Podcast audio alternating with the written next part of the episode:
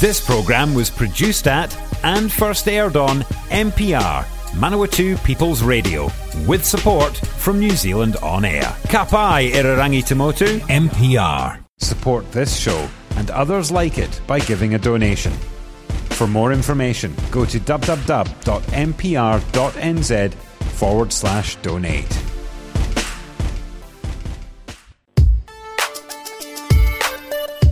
Morena no mai kiti korero. Welcome to the catch up on Manawatu People's Radio. Te reo irarangi o na tangata o Manawatu. It is a Friday morning, and that can only mean one thing on the catch up. We welcome to the studio at this time via phone uh, MP for Palmerston North, Tangi Utikere. Good morning to you, sir. Morena Kiorana, Fraser. Yes, indeed. Um, so let's get straight into the catch up this morning. There's uh, a lot of sort of central government and, and, bills things that we're talking about today, although there is a Palmerston North connection as well. Um, but let's start with the Births, Deaths, Marriages and Relationships Registration Bill, uh, a catchy title. Um, it, um, I, I it doesn't appear to me on the face of it that this would be a thing that would be going through government at the moment, that there would need to be any changes, but I, I, I assume there are. Yeah, it, it, does have a bit of a, a long title. I'm, I'm, sort of learning around uh, when I am down in Parliament that they seem to have long long titles and you try and put a little acronym in and still don't quite work out. But that is a bill that has actually been uh, through the Parliament, I think from 2017, so it had been put on hold, and so the government um, announced earlier in the year that it was going to push the go button on it again. But basically, what it is going to do is the bill, um, if we can look at it two parts, I guess, one is going to uh, fine tune a few things so that it makes it a little bit more modern and easier for people to register births, to obtain information, so it's more of a digital platform opportunity and doing things online, which things actually, um, marriages, for example, they currently are all done online in terms of the, the paperwork for them. But there is one second component which does um, change the ability for people to effectively self identify um, their gender on on birth certificates. This is something that's not possible at the moment. Well, it's possible, but the um, and some individuals, particularly in our rainbow community, have to go through a number of hoops. For example, it's treated as a medical issue rather than actually uh, one of personal identity. So um, that's going to the select committee that I'm involved in, that good old uh, governance and administration, Fraser, that you and I have joked about before and uh, it'll be open for submissions for people to share their thoughts, and we're expecting a number of people will do exactly that. So, I mean, I, I guess that the online component, I, I, can't imagine there will be much uh, upheaval or controversy around uh, that change. That seems sensible. Um, I'm sure you're expecting uh, some feedback, both positive and sadly negative, on the self identification of gender. Uh, c- can you clarify what the proposal is at the moment? Moment? Is it going to be a case of you can sort of keep track of how you identify? Is it still going to uh, recognise what you were identified as at birth? How's that all going to play out? Yeah, so there is a distinct difference uh, in the legislation between sex and gender. So sex is captured effectively um, at birth. Gender, this will allow people to self identify what their gender is, and the proposal is that there would be no limits um, on how often someone could do that. So it wouldn't be that you could do it once and, and that was it. However, it's not kind of like a free for all. There is still a requirement for individuals in making that application or determination to undergo a um, a statutory declaration. And so, you know, many people in our community will be familiar with a stat dec, which is a requirement where people basically say that they are truthful in what they're doing, and the person who is administering the statutory declaration, which is usually a, a lawyer, a barrister, a solicitor, um, uh, a member of parliament, or indeed a justice of the peace, need to be satisfied that it's all above board. So, and there are penalties for those that that um, effectively um, make a statutory declaration where it's it's not accurate or not true. Mm. So this is meant to effectively make it easier for those who are often marginalised in our communities. And if we look at the barriers that currently exist um, for those in our trans, our um, intersex uh, community who are calling out generally for this this opportunity to, to make this change. Um, currently, you know, there are financial uh, burdens because they have to go through the family court process. There's inconsistency within the family court, there are cost implications, and that's also on top of the, the medical evidence that um, they are required to produce. So it is fairly invasive, and it's something that actually the government thinks should be much easier for those um, that, that want to do this uh, based on evidence. And you're right, we will hear from members of the rainbow community, we'll hear from others in, in, in other sectors. Um, and the minister this week, when she was giving her speech in the House, referring this to the Select Committee, has made it quite clear, and, and I make it clear as well, that we do want to hear from everyone because that's the whole point of the Select Committee process. I, I, before I ask this question, it's very important to me that people know that I support this and, and I'm, a, I'm an ally of the rainbow community, but I, I it's my job to play devil's advocate sometimes. Um, uh, is the birth certificate the right place to be documenting gender identity. The birth certificate is a record of a new person entering the world and, and, and a snapshot of that person at that time. It is not designed, is it, to be an ongoing uh, reference of how you identify throughout the years? I understand the question um, and, and the point that some may make around that. But the fact is that, that it is a document that is issued by the government and it is a document that therefore carries some authority with it. And this is in response to members um, of our community who feel marginalised at the moment. And actually, I get that some people in our community will not understand what the big deal around this is. But actually, it doesn't have any impact on anyone else. This is about individuals, um, their ability to feel uh, confirmed in their own gender identity and so that's why this is going through a select committee process. We'll hear, I'm sure, from all sides of the community around this. But in, in my tentative view, you know, setting aside that I haven't heard those submissions yet, um, this is supporting uh, those who, who often are marginalised. And, you know, I was in the House, um, I spoke on this bill actually for the government um, when, it, when it came up on, on Wednesday night. And there were members of our Rainbow community there as well. Um, and so, from my perspective, this is not going to make a huge lot of difference to some people. Uh, well, probably for, to many people, but for some people, it will make a huge uh, lot of difference. And so, in that sense, it's it's the right thing to do. I, I, I get that it's the right thing to do, and to give people the uh, uh the backing of uh, official government documentation that recognises the identity that you have. I was going to say chosen for yourself, but that's not fair. The identity that you have always had as a, as a mature, educated, thinking individual. But I, mm. th- again, the birth certificate I've always figured is a snapshot in time, and if if this is about identity, is it not perhaps a, a, better choice to look at a new form because there's always the case, you know, if you want to get a passport, you've got to take your your proof of ID, your proof of um, address, all the rest of it. Is there not scope for a, a new form? And careful now, because people will accuse me of being a communist now. uh, but a, one official identity document that proves who you are that can be used for, you know, job interviews, passport applications, all the rest of it. One one solitary thing uh, that is well, is different from the driving license, the passport, the birth certificate. That all these things are, are different and for different purposes. And that may very well be the case moving forward, but at the moment, that's not the case. Um, and the purpose of this bill is, is, in terms of why it actually dragged back through to 2017, was to look at birth certificates, looking at the registration of births, deaths, marriages, civil unions. Um, and so while I, I, I, take the point that moving forward, you know, there may very well be a conversation about what is an appropriate um, document or card or something issued by the state that is more around identity. But this is about the now and the present and responding to uh, the concerns that have been raised by some members of our community, um, notwithstanding that that might be a conversation that may very well come up as part of the select committee process. Uh, but for the time being, it's not part and parcel of what's currently before the Parliament.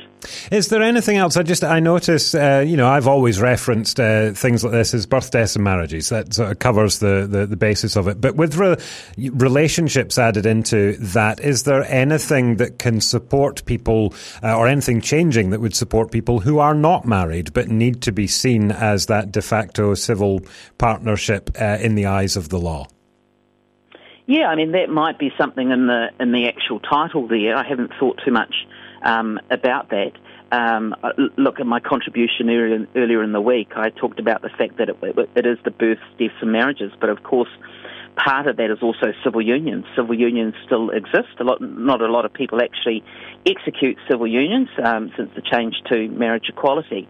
But likewise for those in de facto partnerships or relationships, that is something that is um, within the law, but it's not should by the title, so to speak. So there could be something in that in terms of ensuring that whatever unit, whatever unit or legislation uh, has an overarching um, sort of look at things is broad in nature.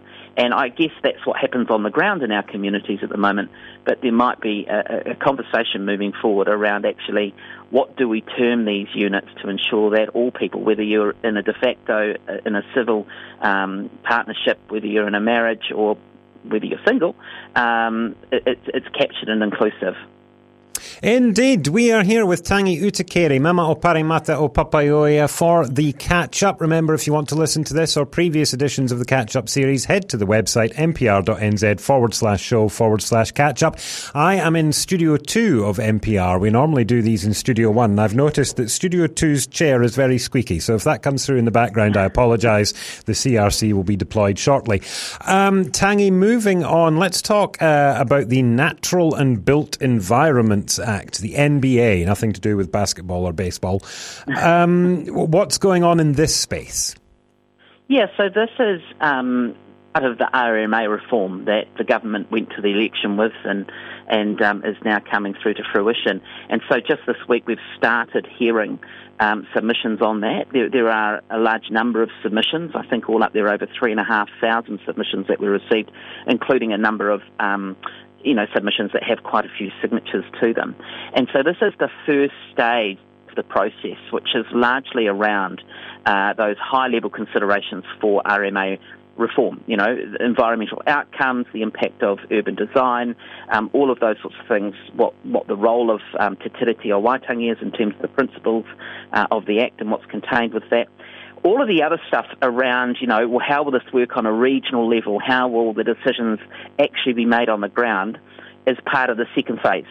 Um, so this first phase at the moment is, is hearing from communities, from councils, uh, organisations, and individuals about actually what their thoughts are. Um, and we've talked about this previously, Fraser, that you know this is an exposure draft, so it's going to go back through the process again. It's very, very irregular, very unique. But the government's view, and actually the Parliament's view, uh, for that matter, is that it's really important that we can hear from as many people as we can. And so this is the way in which we're, we're going about it um, for the Environment Select Committee at the moment. So, what's it actually covering? What is the basis of this act? Because I know we've talked about things previously. Uh, for example, there's an act specific to Palmerston North and how it deals with its reserves. That's obviously a, an argument between a natural reserve and a built reserve or, or, or some sort of environment. What, what, what's this trying to deal with? So, so this is more about if you can think about the practical components about how resource consents are processed and decisions are made. It's it's a strange way to explain it, but it's not that. It's what comes as part of the consideration before all of that. So, what are some of the environmental bottom lines that we expect to uh, have as part of those considerations? So, for example, the development of, of housing, you know, urban development opportunities, where um, the role of fresh water considerations would sit.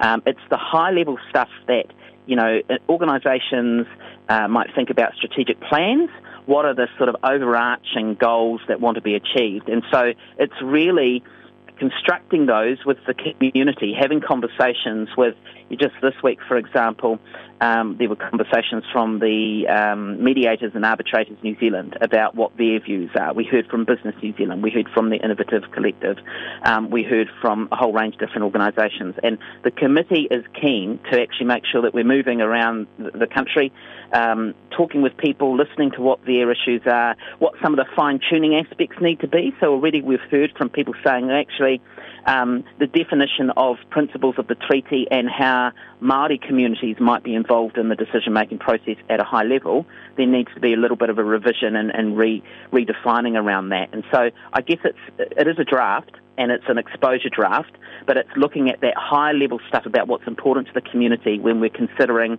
what our environmental outcomes are and, and the impact that, that people are comfortable or not with. Is, is this uh, in some way in response to you know New Zealand having the, the clean, green, sustainable image, but when you sort of dive beneath that, and you don't have to go too far to realise actually we're not doing as well in that space as people might think. Is this one of these places where we can very clearly outline, as you say, some of the, the desired outcomes to lead us in that direction? I think that's a good way of looking at it, and even though it is a draft, there is an acceptance that currently um, things are quite difficult. You know, things are very complex when it comes to consenting, um, and so it is about maintaining. Uh, and some would say restoring our clean green image that we have here in Aotearoa, New Zealand. But it's also about managing that with the need to be able to develop in, in an efficient way. And so, you know, we're hearing even just this week we've had only one day of hearings, and there's many, many more to come. Um, we've heard a whole range of different. Um, considerations, views, perspectives, which will make the uh, select committee's job an interesting one as we sort, to, sort of progress this through um, through the House. We've got, I think, through till mid uh, October when we actually have to report back to the Parliament. Um, and so it's just a matter of working through all of these submissions and, and, hearing from as many people as we can.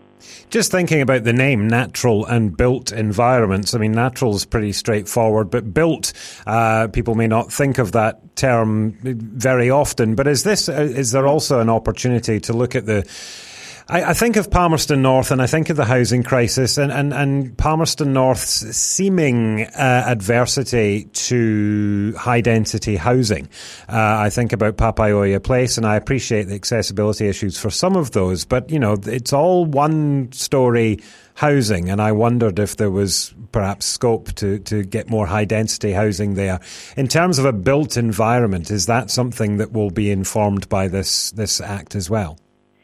Yes, it will. Um, a lot of that will come in the second phase where it's actually about the spatial planning and where things might sit.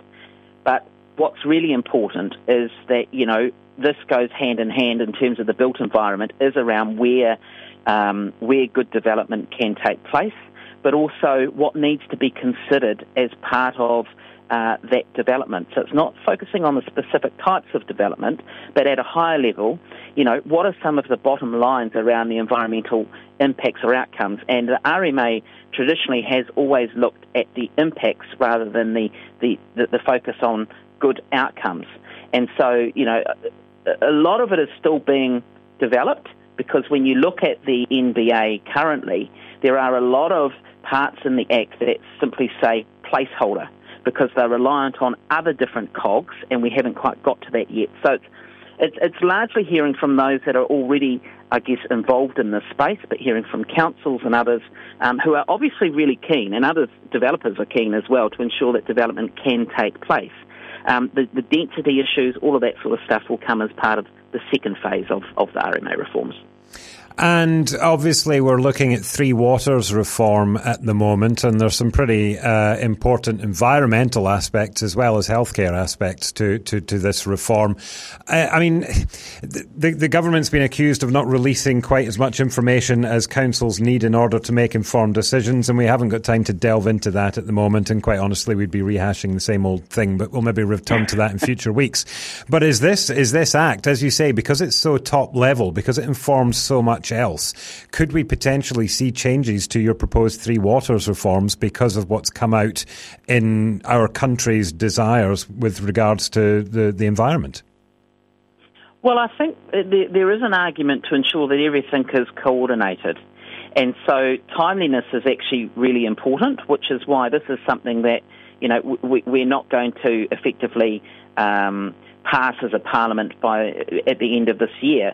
The the second phase of the exposure draft, which will be the actual bill for the NBA, will come back next year, and so that aligned with the proposed changes to um, water regulation and the water services bill, which I understand is is coming back to parliament in a couple of weeks. We've got a recess week next week, but um, the leader of the house uh, just yesterday actually in Parliament indicated that the that the water services um, bill was coming back to Parliament. So, I mean, aside from the suggestion that there hasn't been a lot of information out there, I know the Minister of Local Government would refute that. Um, we've talked about the LGNZ conference that I was at previously a few weeks back, uh, where information was, you know, uh, given over to local councils. But it's it's fair to say, I think, that with this alongside the um, you know, well, RMA reforms alongside the Water Services Bill, alongside the future of local government, which is also another piece of work that is happening at the moment, that they all are complementary to each other, but they're all timed uh, in a way where, you know, they should be able to link into each other. They're not all um, locked in at certain times that we can't then uh, consider the impact of each of the others in the bigger scheme of things, if that kind of makes sense. Yes, we are here with Tangi Utikere, Member of Parliament for Palmerston North for the catch up. If you want to listen to this or previous editions of the catch up series, head to the website mpr.nz forward slash show forward slash catch up. We're also on Apple Podcasts, Spotify, wherever you get your online listening. And uh, if the service that you use allows you to rate or subscribe, then please do that so you don't miss any future uh, episodes and other people can find us too. Uh, Tangi, we've got time for one more topic. Let's look. You mentioned local government there, and uh, I believe the government's local government caucus committee uh, visited Palmerston North. Yeah, so today we're actually spending the day in, in Palmerston North. Well, I'm in Palmerston North um, today, but the, my colleagues are actually um, travelling here. Most of them travelled last night. And so it's an opportunity for members of the government and local government uh, caucus committee to spend a bit of time looking around some of the good stuff that's happening. So later this morning we will go out to Te Ahuaturanga, um, which is the Manawatu Tararua, um, you know, highway. That's the, the replacement for the gorge there. That's what $620 million. Um, listeners will know that that started construction back in January, um, so it's a good opportunity to see what's happening there. Then we will go and have some lunch with uh, City Council to talk about what's happening in, in that particular space, and I'm sure that um, councillors will uh, not hold back in terms of the conversation. Um, then we will head out to Food HQ in terms of research and innovation and some good stuff that's happening there before we finish off at Papaioea uh, social housing to look at the, the government funding, but also obviously the leadership from the, the council before my colleagues head off. So it's a really good opportunity to showcase what's happening in, in the electorate. Um, and I know that, you know, my colleagues from um, all, all, around the country really um, are looking forward to spending today um, in in the fine city. I, I, I, literally every time I say this, I have to preface it with the fact that you used to be at Palmerston North City Council, Tangi. So give us some insight there. But um, on the basis that you were a deputy mayor uh, for quite a long time, and the, the the Palmerston North City Council are fairly vocal about things that they're not enjoying with regards to central government at the moment. Three Waters being an obvious uh, obvious one. Do you think there'll be anything uh, around that uh, that that meeting with the City Council where the City Council might actually be uh, positive or supportive of what the government's been doing? I, am expecting that uh, the conversation will be positive in spirit because you know, the, the council does accept that there's some good investment going on in the city. And often people think about, well, you know, is it just the council getting money for their projects? No. If we look at Te Ahuaturanga, for example, a significant contribution of, you know, 620 million, that has huge implications for Palmerston North in terms of employment, in terms of people here spending money in the local economy. If we talk about investment in schools, you know, last week we had a couple of schools, we talked about that, that had to receive some extra money.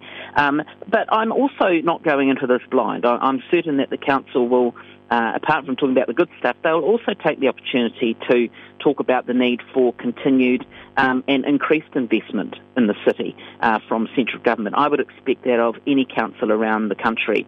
Um, it's an opportunity to have some uh, members of the Labour caucus, some government MPs uh, in my patch. And so I fully expect that uh, local councillors from Palmy will be taking that opportunity to share the good stuff, but also a few reminders about, you know, um, not forgetting us and making sure that investments continue to come Palmy's way.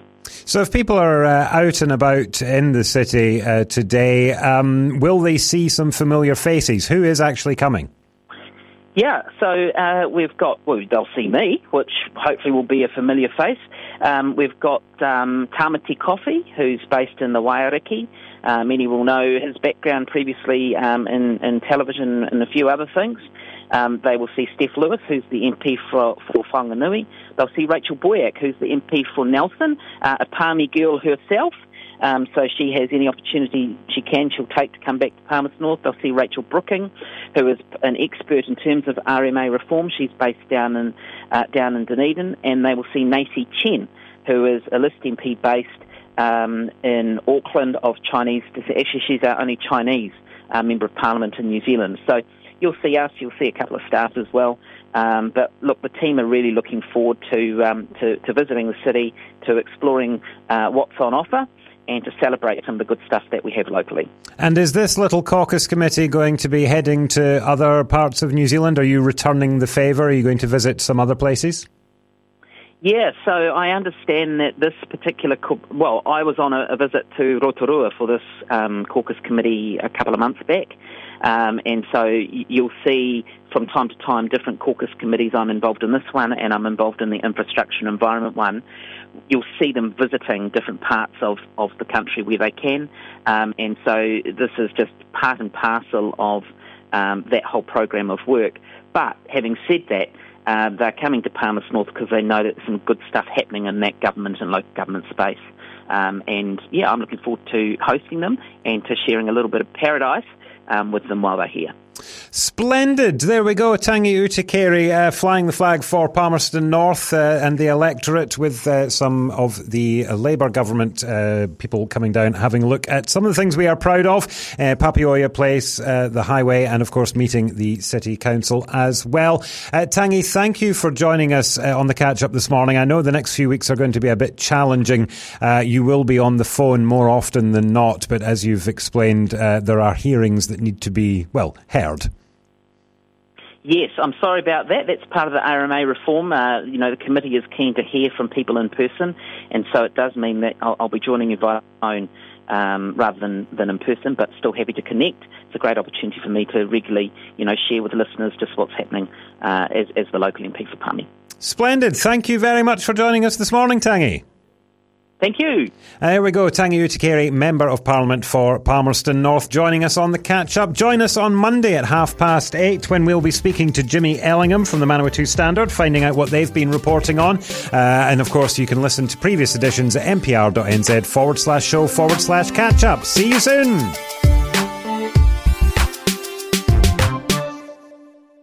If you're a fan of MPR, listening to our podcasts and live stream has never been easier.